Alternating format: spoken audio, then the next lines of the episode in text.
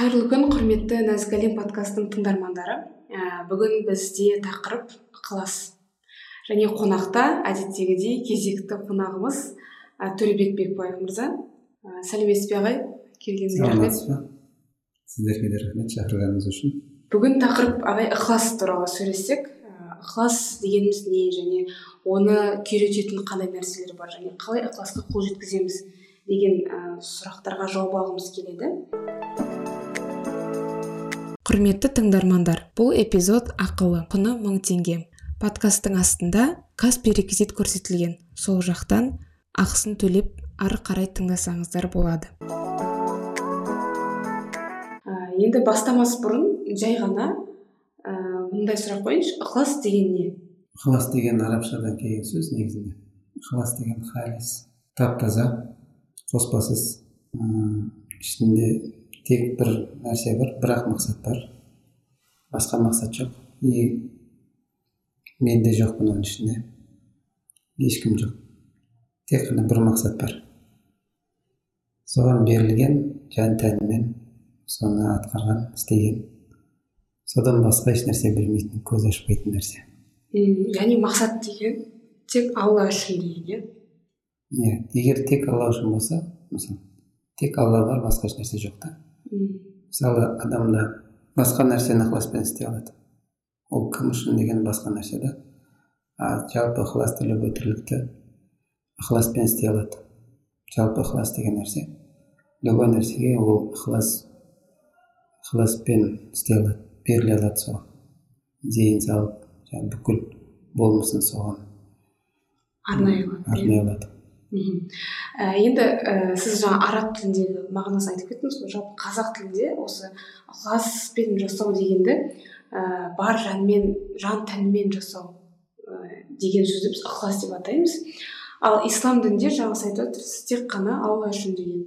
Иә. Ә, сонда мындай сұрақ сонда ықыласпен істелген істе адамның бар жан тәнімен істеуге құлшынысы артып ана жан тәннің потенциалы ашыла ма? Иә ол қолынан келген нәрсенің бәрін істеп жатыр ғой. Қолынан келген нәрсенің бәрін істеген кезде оған мына болмыстағы барлық нәрсе айна болады. Ол да қолынан келген нәрсесінің бәрін береді оған. То есть сұраған нәрсесін табады. Кім не нәрсені талап еткен болса соны табады. Күшті. Ал енді мындай сұрақ қояйыншы кім не, не нәрсені қаласа соны алады деген бар ғой бұрыннан. Сол бұрыннан онша қатты андай бір сұрақ қалып кететін бұрыннан. Ол мысалға бір істе ә, алла үшін деп жасап алла разылығын көздейміз. М айтады ғой және кім нені қаласа сол орындалады нені мақсат тұтып жасаса. Ал біз оны қайдан көреміз? Алла разылығын. Болып жатыр ма? Алла разы болып жатыр ма? Разы болмай жатыр ма? Қандай нәрселерден байқауға болады? Егер біздің мақсатымыз көру болатын болса онда мақсат өзгереді. Да разы болып жатыр ма жоқ па? Соны көру болатын болса мақсат өзгереді онда алла үшін қалады соны көру үшін болып қалады. Жарайды. Демек ондай да мақсат болмау керек иә тек қана алла үшін тек қана алла үшін деген нәрседе қоспа жоқ қой. Тек алла бар. Басқа ешқандай ешнәрсе күтпейді. Басқа ниет жоқ ода түсінікті. Енді мындай сұрақ қойсам екінші сұрақ. Осы ықылас адамға не үшін керек? Ықыласты алла тағала негізінде бізге құрал ретінде. Өзіне ең қысқа жол қылып берген да. Алланы табуда ше. Ең қысқа жол ең ә, мықты күш ықылас. Ең қабыл болатын нәрсе қабыл болуға ең жақын нәрсе. Ықылас. Сосын одан ауыр одан үлкен құлшылық жоқ ықыластан ше күшті. Ә, енді алла үшін жасағандықтан тек алла разылығын көздейміз ғой. Демек осы жерде бір сұрақ пайда болады да адамдардың ойынан ә, мүлде толығымен тәуелсіз болу керек пе сонда? Ықыласты адам. Ықыласты адам адамдардың ойларынан толығымен тәуелсіз болу керек пе? Иә ықыласты болған нәрсе. Оның көздеп отқан нәрсесі тек алла үшін деп тұр ғой. Егер ықыласын аллаға бұратын болса. Адамдардың ойы сөзі пікірі еш нәрсесі жоқ ол жерде. Ол тек алла үшін істеп жатыр ғой. Басқа ешкім жоқ. Демек басқалар не айтса да бәрібір деп қарауға бола ма? Басқалар не айтады айтпайды дегенмен ойым бұзылып отыр ғой. Не дейді дегенше мен алаңдаймын мен алаңдаған үшін уже мен ниетім шашырайды да басқа біреуге. Мен тек алланы көздеп тұрған жоқпын басқа нәрсе көріп тұрмын и менің қорқынышым бар өзім үшін деген. Сол кезде менің ойым шашырайды ниетім шашырайды.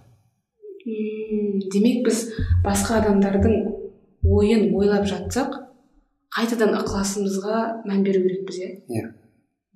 Түсінікті. ықыласты адам басқаның ойы не деп ойлайды деп те ойламайды дейсіз ғой иә? Иә басқа нәрсеге алаңдамайды. Алаңдамайды иә күшті. Енді осы жерде мындай сұрақ қояйыншы ағай алла тағала бізді м бізге тікелей еш нәрсе айтпайды ғой.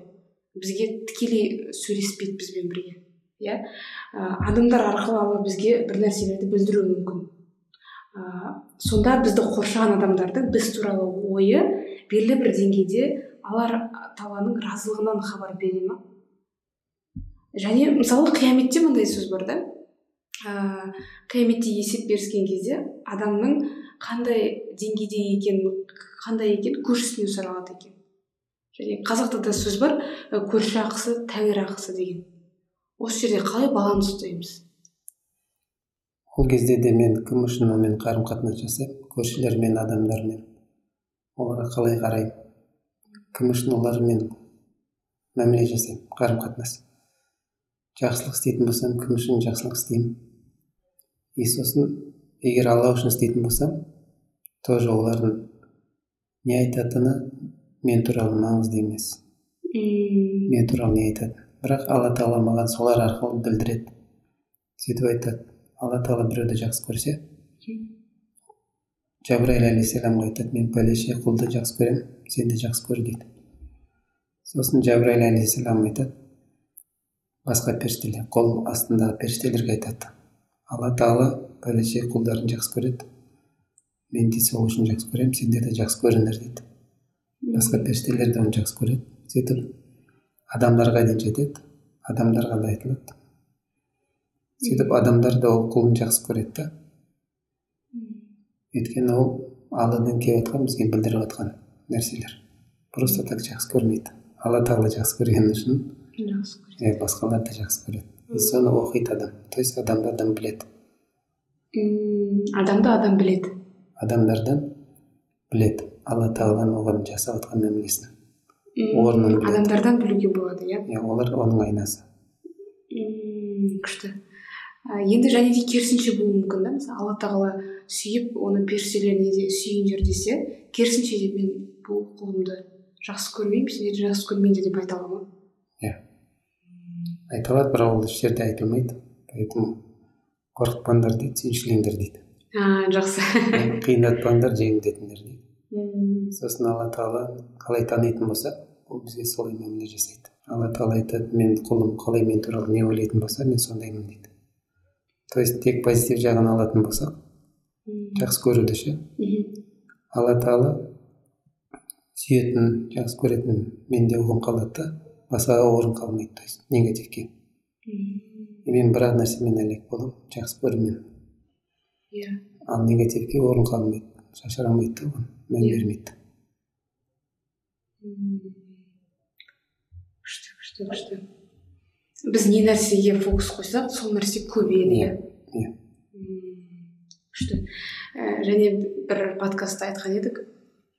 Алла тағала андай қаһар есімін көрсетпейді дейді де. Табиғат себебі мысалға жәннат оның мейірімінің көрінісі ал жаһаннам оның әділеттілігінің көрінісі. Ол қаһар ііі яғни сүймейді құлын сүймейді деп ана бір айтып кеттім ғой ол мүмкін емес. Нәрсе ол бізді онсыз да сүйіп жаратты иә? Ол жерде қаһар есімін біз бір ақ нәрсесін ойлап отырмыз ғой. Тек қорқынышты жағын ше? Бірақ оның басқа жандары бар басқа жақтары бар.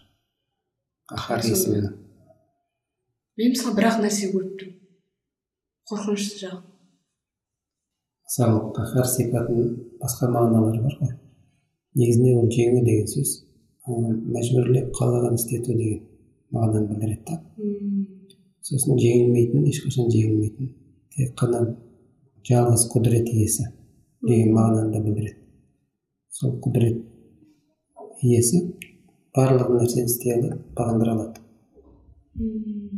и ол жаман нәрсе емес қой негізінде иә иә сосын біз оны алланың есімдері бәрі көркем ғой иә а біз көркем жағын көрмей жатырмыз бізге тек қорқынышты нәрселер көрініп тұр да алла тағала айтады қорықпаңдар сүйіншілеңдер дейді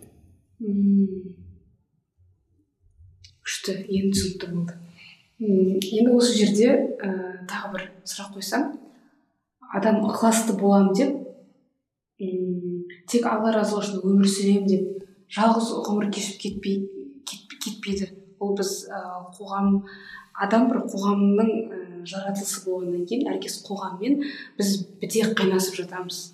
Ал осындай қоғамда айналада түрлі адамдар түрлі ә, адамдардың сезімі қызғаныш әртүрлі ә, санаттағы адамдар болған кезде осы қоғамда қалай ықыласты болып қаламыз? Мен қоғамда өмір сүріп жатырмын ғой. Бәрін көремін. Негізінде ықыласты деген сөз жаңағыдай ниетін бұзбайтын иә. Егер менде бәрі алла үшін болатын болса онда мен бәрін айна ретінде көруім керек. Бұзылмау үшін бәрі айна ретінде көріну керек. Жаңағыдай менен басқа ешкім жоқ деген. Сол кезде ол әсерленбейді ол нәрседен. То есть кім не істейді? Екінші нәрсе адам мен амалын айыру керек. Қылып қарамау керек та. Адам мен амалы екеуі бөлек нәрсе. Адам адам алла тағаланың жаратқан пендесі. Ол заты алланікі оны алла тағала жақсы көріп жаратқан и мен де оны жақсы көруім керек затын алланың сүйікті ең ұлық жаратылысы да адам баласы. И құрметті ол. Құрметпен жаратқан. Мен де солай қарауым керек любой адамға алланың заты пендесі оның шеберлігінің айнасы негізінде. Ал оның істеген амалдары адамдардың. Істеген амалдары ол өзінің дәптері ғой. Оның дәптеріне тоже тиіспейміз араласпаймыз. Оны соттамаймыз дәптеріңде мынандай амалдар болған үшін деп ше сол екеуін айырған кезде адамға солай қарасақ егер адам өзіне и оның амалдарына бөлек қараған кезде ол адамды жек көру неден болып жатқанын түсінеді. Мысалы оның істеген амалдарына қараған кезде адамды жек көреді да. А біз амалдарын жек көруіміз керек. Адамды емес. Ал сол адамға бөлек қарайтын болса алланың шеберлігін оқитын болады. Қалай жаратқан адам баласын қандай есімдері бар адам баласында? Адам өзін жақсы көре бастайды. Өйткені ол жерде алла көрінеді. Күшті өзін де және өзгелерді де жақсы көріп бастайды иә? Сөйтіп мен оның амалдарына тиіспеймін қарамаймын тек өзін көруім керек. Ал өзінде болса ол алланың шеберлігін шеберлігін көреді. Оны оқиды. Яғни ә, бір сөзбен айтқанда қоғамда ықыласты болып қалу үшін әр адам алланың шеберлігі екенін ұмытпауымыз керек иә? Иә алланың есімдерінің айнасы. Соны оқу керек та адамнан. Және әрқайсысы бір айна ма? Иә бүкіл әлем менің айнам айнаның бөлшектері емес иә? Целая айна ма? Негізінде айна дегенде бәрібір ғой. Болсын өзі болсын иә иә иә дұрыс айтасыз енді осы тұста келесі сұрақ қойсам ықыласты болуда бауырмашылықтың рөлі қандай? Ә, және құранға қызмет етіп жүрген алла жолында жүрген ә, адамдарды бауырларымызға сондай адамдарға мін тақпау керек деп айтады осы ықыласты ұстап қалу үшін. Ә, және осы бауырмалдық пен ықыластың арасында қандай байланыс бар? Ықыласты болу керек деп айтамыз ғой. Бірақ практикасын жасамаймыз. Соның практикасын жасаса адам ол адамдар бауырлар ғой. Бауырлармен бауыр деген бәрі адам баласы ғой. Бүкіл адамзат баласы адам алейхисалам балдары. И бәрі бір біріне бауыр сияқты да. Былай қарасақ. И сол бауырластық бір біріне деген сөз бір бүтін дене. сияқты. Бір бүтін дене сияқты то есть бір біріне көмектеседі бір бірімен тартыспайды жамандамайды сөйтпейді тек қана көмектеседі бір бірін қолдайды сол сияқты бауыр деген ұғымды егер ол практикаға асыратын болса жасайтын болса ықыласын жоғалтпайды ұстап тұрады но ол жерде ниет маңызды кім үшін істеп жатыр сол нәрсені жақсылығын кім үшін істеп жатыр біреуге жақсылық істейтін болса кім үшін істеп жатыр бауыр үшін істемеу керек та. Алла үшін істеу керек. А бауыры оның көмекші. Ықыласын ол да инструмент. ол да инструмент сияқты. Оның ықыласын күшейтетін. Яғни ықыласын күшейтетін деп қалдыңыз ғой. Демек иә. бауырлар бір бірінің ықыласын күшейте ала ма? Иә практика ретінде ол жасаса сонымен әлек болатын болса оны дамытады. Яғни ә, жанымдағы бір бауырым өте ықыласты болса ә, мен де оның айнасы болып ықыласқа ие бола аламын иә. Иә адам айналасы айналасында негізінде ортаның қоғам сол айналада мен не істейтін болсам? Бәріне әсер етуі мүмкін ол. И мен бір закваска дейді ғой не дейді аштықы сияқты. Аштық? Аштықы а аштықы аштықы сияқты ұйытқы сияқты. Иә. Сол қоғамда бір пайдам тие алса мысалы бауырластық сол бауыр үшін бір нәрсе. Сол бауырыма бір нәрсе істей аламын ғой. Күшті. Яғни ә, қазір қоғамда адамдар ыыы ықыласты жандар жалпы бір дене сияқты жұмыс істейді иә? Иә. Мәселен ә, менің ә, көзім екінші көзіммен ұрыспайды деген секілді иә? Иә. Бір бірін ыыы не зиян алып келмейді. Бір қол бір қолымен таласпайды. Мхм ауыз құлақпен таласпайды мм күшті. Осы тұста бір ә, аят келтіріледі. Ә, күшті аят соны оқысам болады ғой да аллаға және елшісіне мойынсұныңдар дейді. Өзара таласып тартыспаңдар. Әйтпесе бойларыңды үрей билеп жасып қаласыңдар. Һәм күш қуаттан айырыласыңдар. Тиісінше сабырлылық танытыңдар. Шүбәсіз алла сабырлылармен бірге. Әнфал сүресі қырық алтыншы аят екен. Аха. Бұл жерде жаңағыдай таласып тартыспаңдар. Және сол арқылы егер таласып тартыссақ онда бізді үрей билейді дейді. Иә? Иә. То есть адам бір нәрседен айырылып қаламын деп қорқады ғой. Сол үшін таласады. Таласқан мәселесі абыройы болуы мүмкін. Иә. Нені жоғалтады содан қорқады. Жоғалтып аламын ба деп нені иеленеді содан қорқады бір нәрсені иеленіп алса жоғалтамын ба деп қорқады сөйтіп ол күш қуаттан айырыласыңдар деген бірлік болмайды да ол жерде. Күш қуат болмайды. Екі адам біріксе жеті есе көбейеді мысалы күші жеті есе? Иә. Машалла күшті. Иә. Сол сияқты үш адам біріксе еді. Үш үш бірді қатарына қойса жүз он бір болады жүз он бірдің күшінде болады ғой адамдар ал дара тұрғанда тек қана бірдің күші ғана иә бір бір бір ғана болады иә күшті ә, енді барлық күш қуат ә, ықыласта деп айтады да бұл ықылас ықыластың беретін басты күші не және мына аятта да айтып кетіп тұр да күш қуаттан айырыласың егер таласып тартыссақ. Күш қуат ықыласта ол ең үлкен күш дейді ғой. Еще күш қуат ақиқатта дейді. Ақиқат бар болса өзгермейді ғой. Иә. Истина. Күш қуат сода да.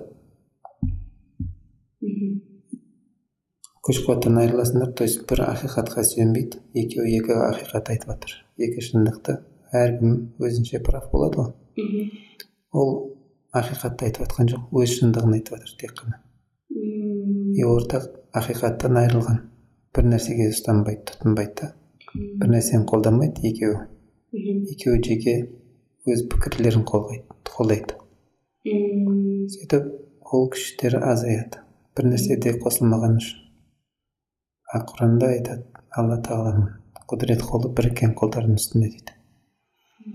То есть екі адам бас қосатын болса бір мәселеде ол, ол мәселеде еще ықыласты болатын болса алла тағала оларды қолдайды. Бизнесте де сондай екі ықыласты адам дейді. Бірігіп жұмыс істейтін болса үшінші алла дейді. Машалла. То есть бірігіп деген сөз бір пікірде болу. Бір, бір. бірдей күшті ықыласта болу иә?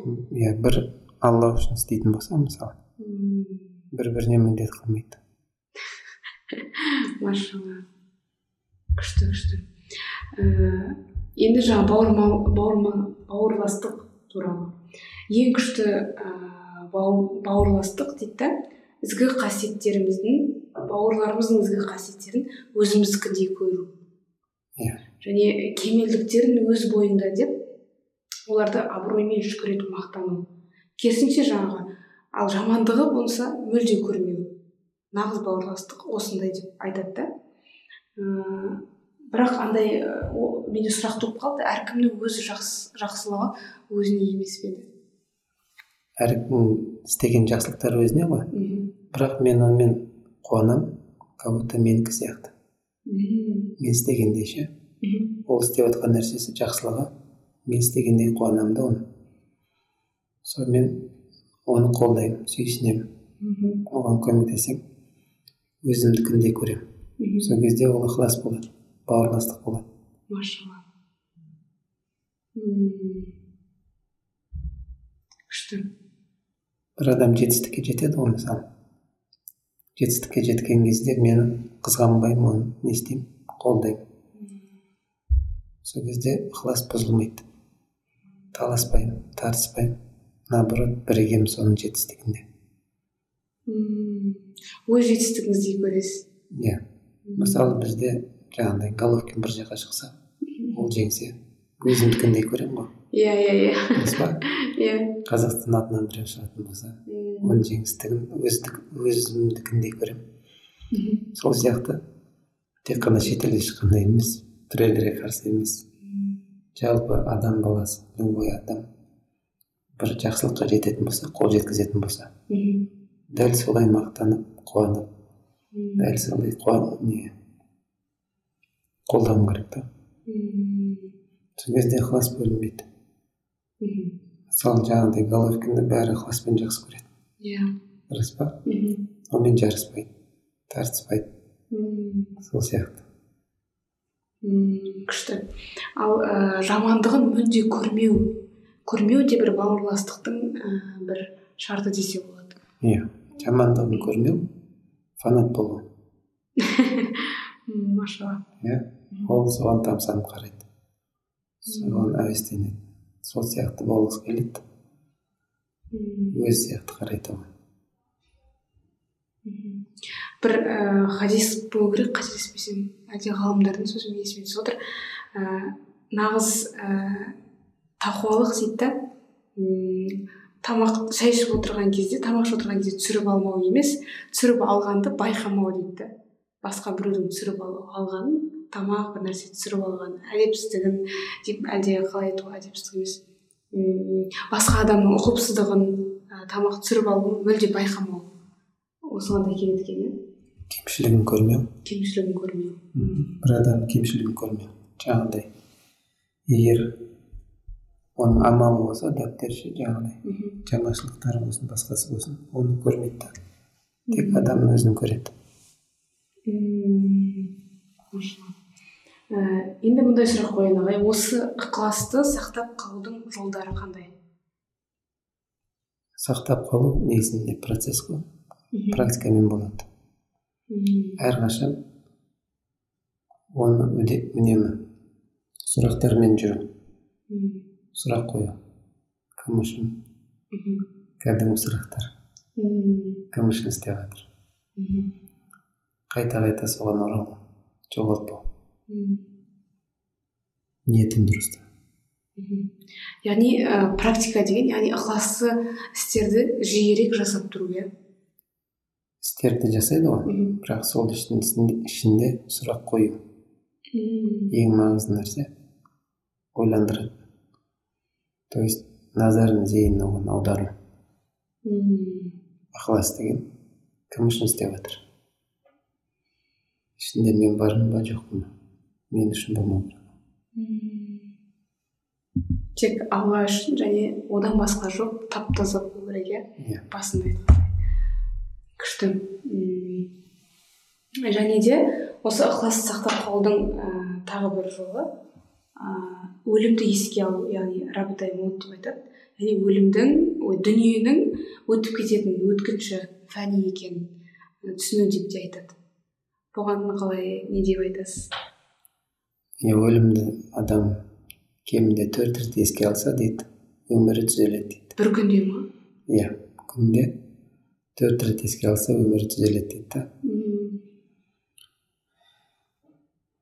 То есть бәрі өлетінін көз жетеді ғой ұмытпайды. Бәрі уақытша екенін мысалы мен не істесем де бәрі уақытша. Не істесем де. И мен түсінемін когда бәрі уақытша болса негізгі мақсат ол емес екен. Негізгі мақсат басқа екенін. Сол маған көмектеседі. Ықыласты ұстап тұруға күшті. Енді ә, және ықыластың сақтап қалудың тағы бір екінші жолы. Тәфәккүр деп те айтады. Яғни ол айналаға көз салу терең ойлану ә, алланы тану және оның әркез көріп тұрғанын сезу және білу дейді. Мхм. Тәфәккүр деген негізінде ойлану деген сөз. Тәфәккүр. Пікір деген сөзден келеді. Пікір ету. И көрген нәрсенің бәрі маған не үйретіп жатыр не оқуым керек. Бұл әлемнің мақсаты негізінде таныту. Мені таныту алла тағаланы таныту. Бұл әлем маған кітап үлкен кітап. И мен соны оқимын. Бірақ тағы да кім үшін оқимын қандай көзқараспен оқимын мақсатым не оқудағы соған қарауым керек. Мм жаңа бір сөз айтып қалдыңыз ғой. Бұл әлемнің мақсаты алланы таныту ма? Иә. Бұл әлемнің мақсаты алла тағаланы таныту. Кітаптың мақсаты не? Құранның мақсаты не? Алланы таныту. Иә. Бұл әлемде бір кітап. Жаратылыспен жазылған. Оған қараған кезде ол алла тағаланы тану керек. Күшті. Енді ағай бағана сіз бұл дүниенің мақсаты алланы таныту дедік қой ықылас пен дүниенің ә, байланысы осы жерде иә? Ықылас ол состояние. Иә состояние. Иә. Ал дүние инструмент. Сөйтіп сол дүниені қай халде қай состояниеда қолда ұстайды. Или сол дүниеде қай состояниеде өмір сүреді. Ықыласпен ықыласпен қандай тірлік жасайды? Ықыласпен любой тірлік жасай алады ғой ол дүниеге арнаса да болады дүние үшін деп. Ықыласпен иә ықыласпен алла үшін. Алла үшін емес. Бар жан тәнімен басқа нәрсе үшін дүние үшін. Ықыласты дүниеге қолдана алады да. Дүниелік мақсатпен. И алла үшін жұмыс істей алады дүниеде. Дүниені екі мақсатта қолдана алады. Біреу алла үшін біреу өзі үшін. И сол кезде де қай жолда ол ықыласты? Алланың жолында или өзінің жолында ықыласты то есть мынандай. Дінде болмағандар. Мақсаты ақырет емес. Дүниелік мақсат. Адамдар. Олар бас қоса алады бір бірімен олар бұл мақсатты ережені бұрыс мақсатты қолданса да сол зор күшке мол пайдаға кенеледі.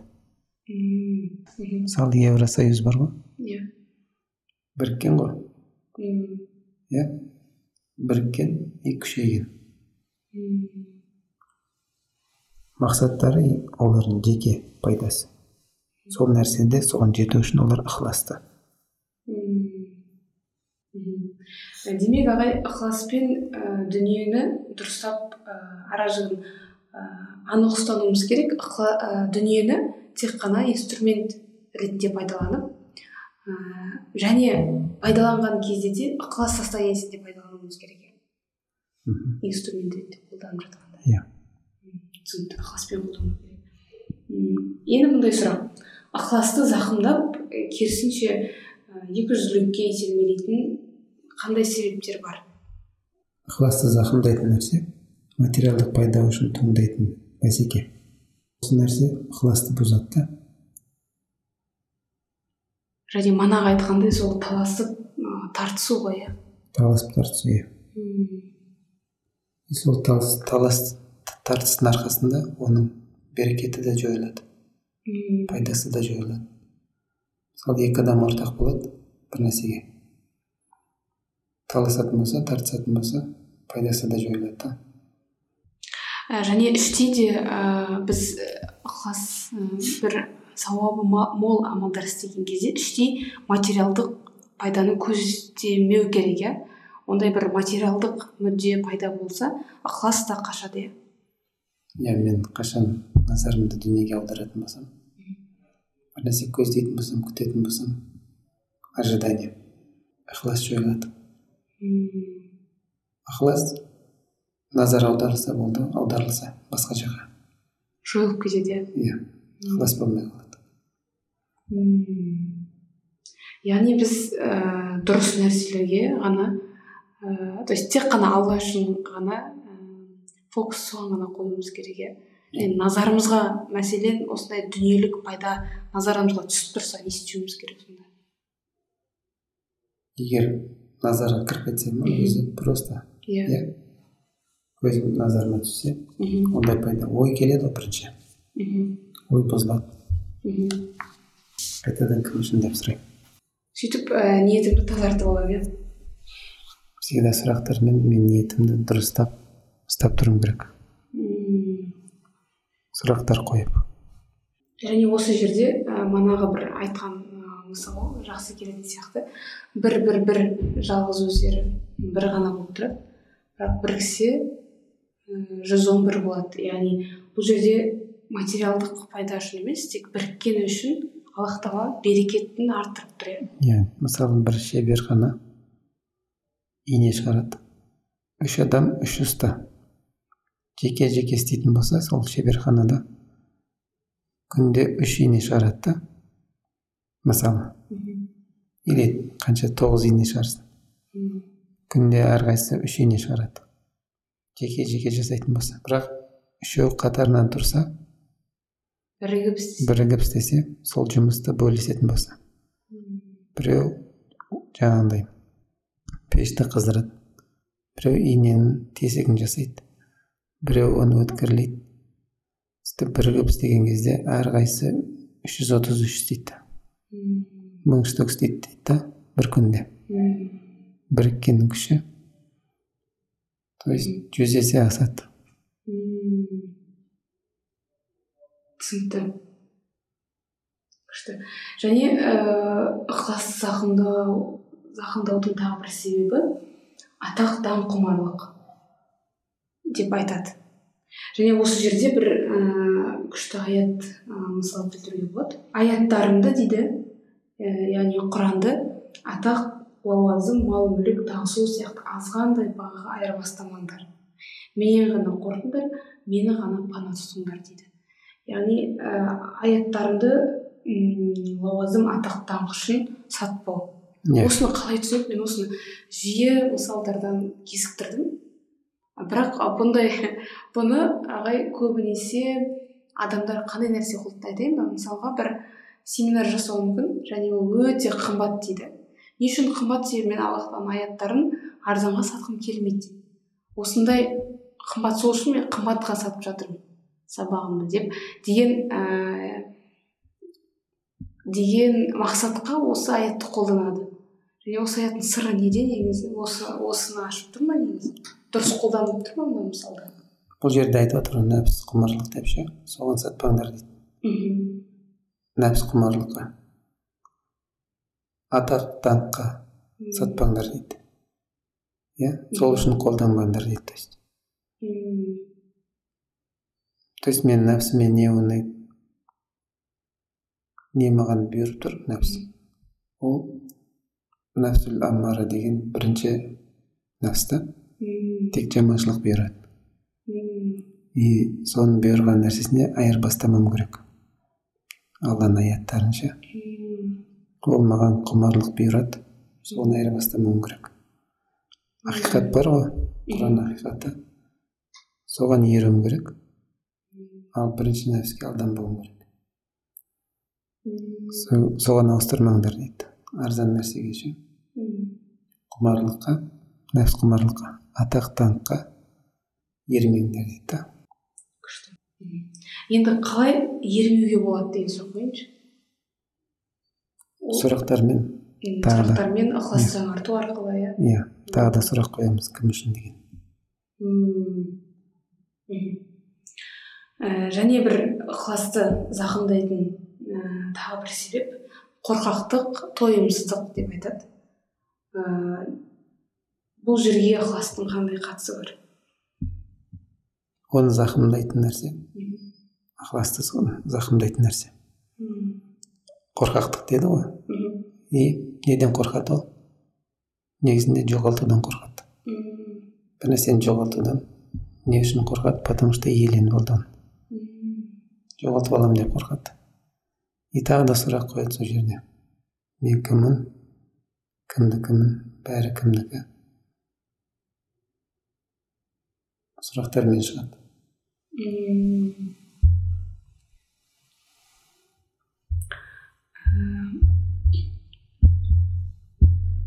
Және осы ықыласты айтқан кезде жаңа тойымсыздық деп алдық қой ағай. Тойымсыздық. Тойымсыздық тоже. Мен аш қалудан қорқамын тойымсыздық. Иә. Ол да қорқыныш. Мхм. Қалам ба дегенше жоғалтамын ба деген. Иемденуден шығып тұр иә бұл да. Иә. Түсінікті. Енді ай тағы бір сұрақ. Осы ықылас туралы айтқан кезде жалқаулық та айтылады. Ә, және әркез ықыласты болу м керісінше жалқаулыққа керісінше еңбекқорлыққа алып келе ма әркез ықыласты болу еңбекқорлыққа алып келе ме? Ықыласты болатын болса егер ол басқа мақсат болмайтын болса ешнәрсе күтпейтін болса без ожиданий дейді ғой иә? Кім үшін істеп жатқанын білетін болса. Жалқаулық болмайды. Керісінше басқа мақсатта болатын болса басқа нәрсе үшін істейтін болса. Ол жерде есеп болуы мүмкін. Сосын есеп оны шаршатады. Шаршаған соң жалқаулық басады. Істегісі келмей қалады. Мысалы үй жинаған кезде адам кім үшін жинайды үйді? Қонақтар үшін жинауы мүмкін. Иә. Иә? Таза тұру үшін жинауы мүмкін. И ол жерде күтетін нәрсесі бар. Соған шаршайды ол. Қашан таза тұрады деп ше?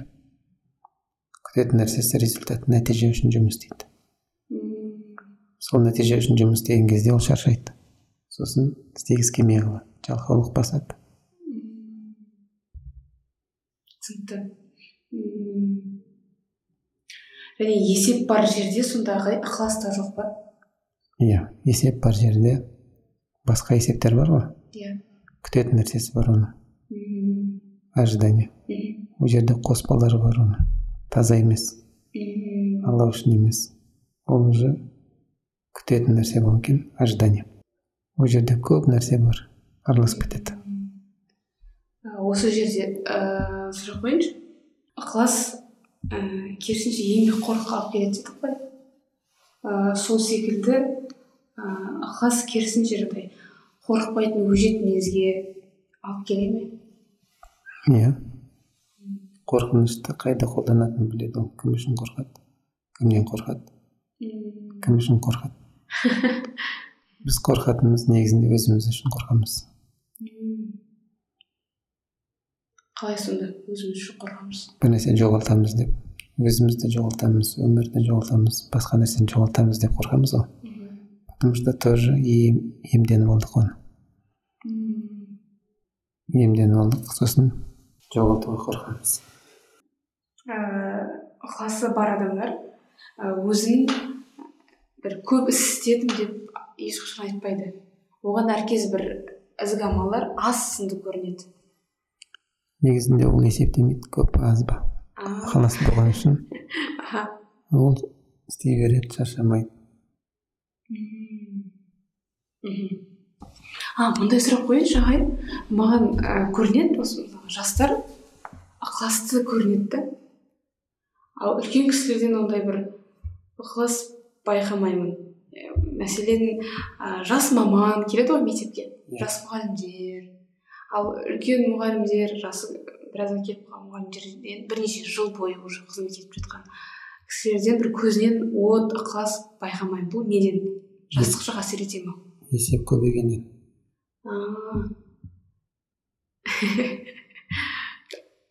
қайдан білесіз соның есебі көбейгенін? Жас кезінде көп ойланбайды ғой. Просто істей береді.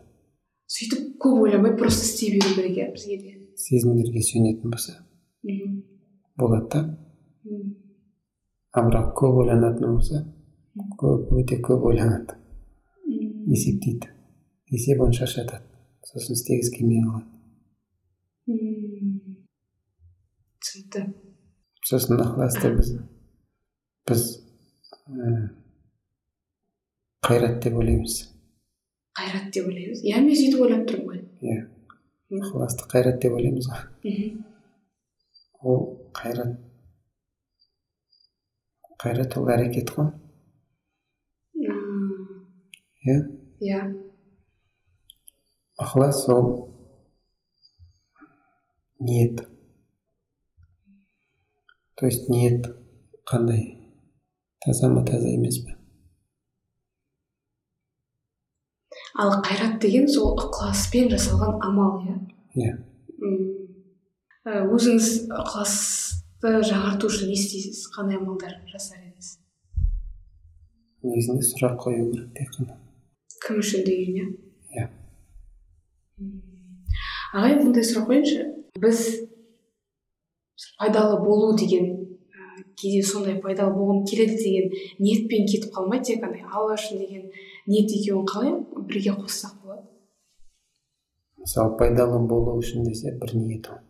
Алла үшін десе басқа ниет. Иә вот именно екеуі екі түрлі. Екі түрлі ниет. Мхм. пайдалы болу алла үшін дейтін болса бір ниет болады. А пайдалы пайдалы болу алла үшін дейтін болса бір ниет болады да. Екеуін қосатын болса. Мен қоғамға пайдамды алла үшін тигізгім келеді десе ол бір ниет болады. Бірақ екеуін бөліп тастаса басқа басқа болып кетеді. Пайдалы болу үшін істеуге болады или алла үшін істеуге болады? Күшті машалла. пайда болу алла үшін болады. күшті күшті күшті. А ағай мындай сұрақ қояйыншы шынымен бізде тек қана ықыласты амалдарымыз ғана оң, жақ- оң жақ дәптерде жазыла ма? Оң жақ дәптерде яғни сауаптар жазылатын ә, жақта тек қана ықыласты амалдар жазыла ма? Біз оны білмейміз. Білмейміз алла тағала нені жазатын ше? Оның ісі біз араласпаймыз иә? Иә. Түсінікті. Ә, сұхбатыңызға рахмет. Иншалла ә, ықылас тақырыбын сәл де болса аша алдық ашуға тырыстық деп үміттенемін. Оқырмандарымыз тыңдаған жандар ықыласты аллах тағаланың ықыласты құлына лайық өмір сүрейік деп үміттенеміз. Әмин. Иә алла тағала бізді ықыласты жандардан қылсын. Нағыз ықыласқа жеткендерден қылсын. Бәрімізге нәсіп етсін ықыласты болуға. Рахмет сіздерге де. Құрметті достар бұл эпизодтың ақылы екенін тағы да еске салғым келеді. Реквизит төменде көрсетілген көркем тыңдағандарыңызға рахмет. Жақсы сау саламатта болыңыздар. Сау болыңыз.